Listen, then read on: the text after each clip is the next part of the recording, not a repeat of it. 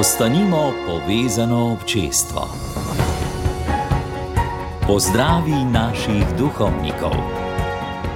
Danes nas nagovarja župnik župnije Trata Gorenja vas Gregor Luštrek.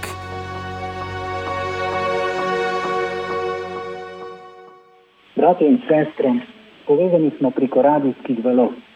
Ko slišite moj glas in me ne morete videti, in ko vam govorim te besede, pa niti ne vem, kdo me posluša in v kakšnih življenjskih okoliščinah se kdo nahaja, je nenavadno, da se kljub vsemu čutimo povezani. Ne samo preko radijskih valov, tako da se lahko slišimo. Povezani smo celo kot bratje in sestre. Tisto, kar nas druži, kar nas povezuje, kar med nami ustvarja neko vzajemno razpoloženje, je obljuba, ki nam je dana in ki ji po veri pripadamo.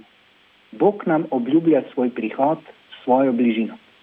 Čeprav nosi vsak od nas v srcu svoje stiske in potrebe, svoje iskanja in pričakovanja, svoje veselje in hrepenenje, nas vse druži ista obljuba.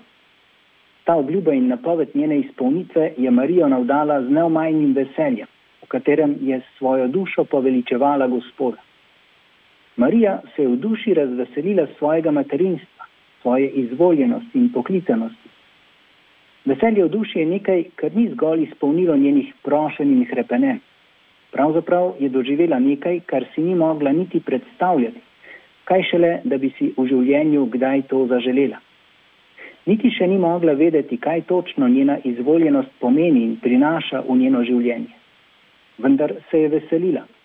Prej se je pojavilo veselje, kot pa se je zavedala resničnosti Jezusa in njegovega življenja.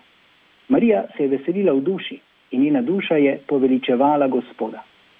To je veselje, ki je dano ne glede na okoliščine. To veselje nas povzdigne nad omejeno stvarnost, nad dobrine tega sveta. Je veselje, ki ga ima Bog nad tem, da prihaja v naše življenje in nam daje milost, da mi čutimo to njegovo nebeško veselje.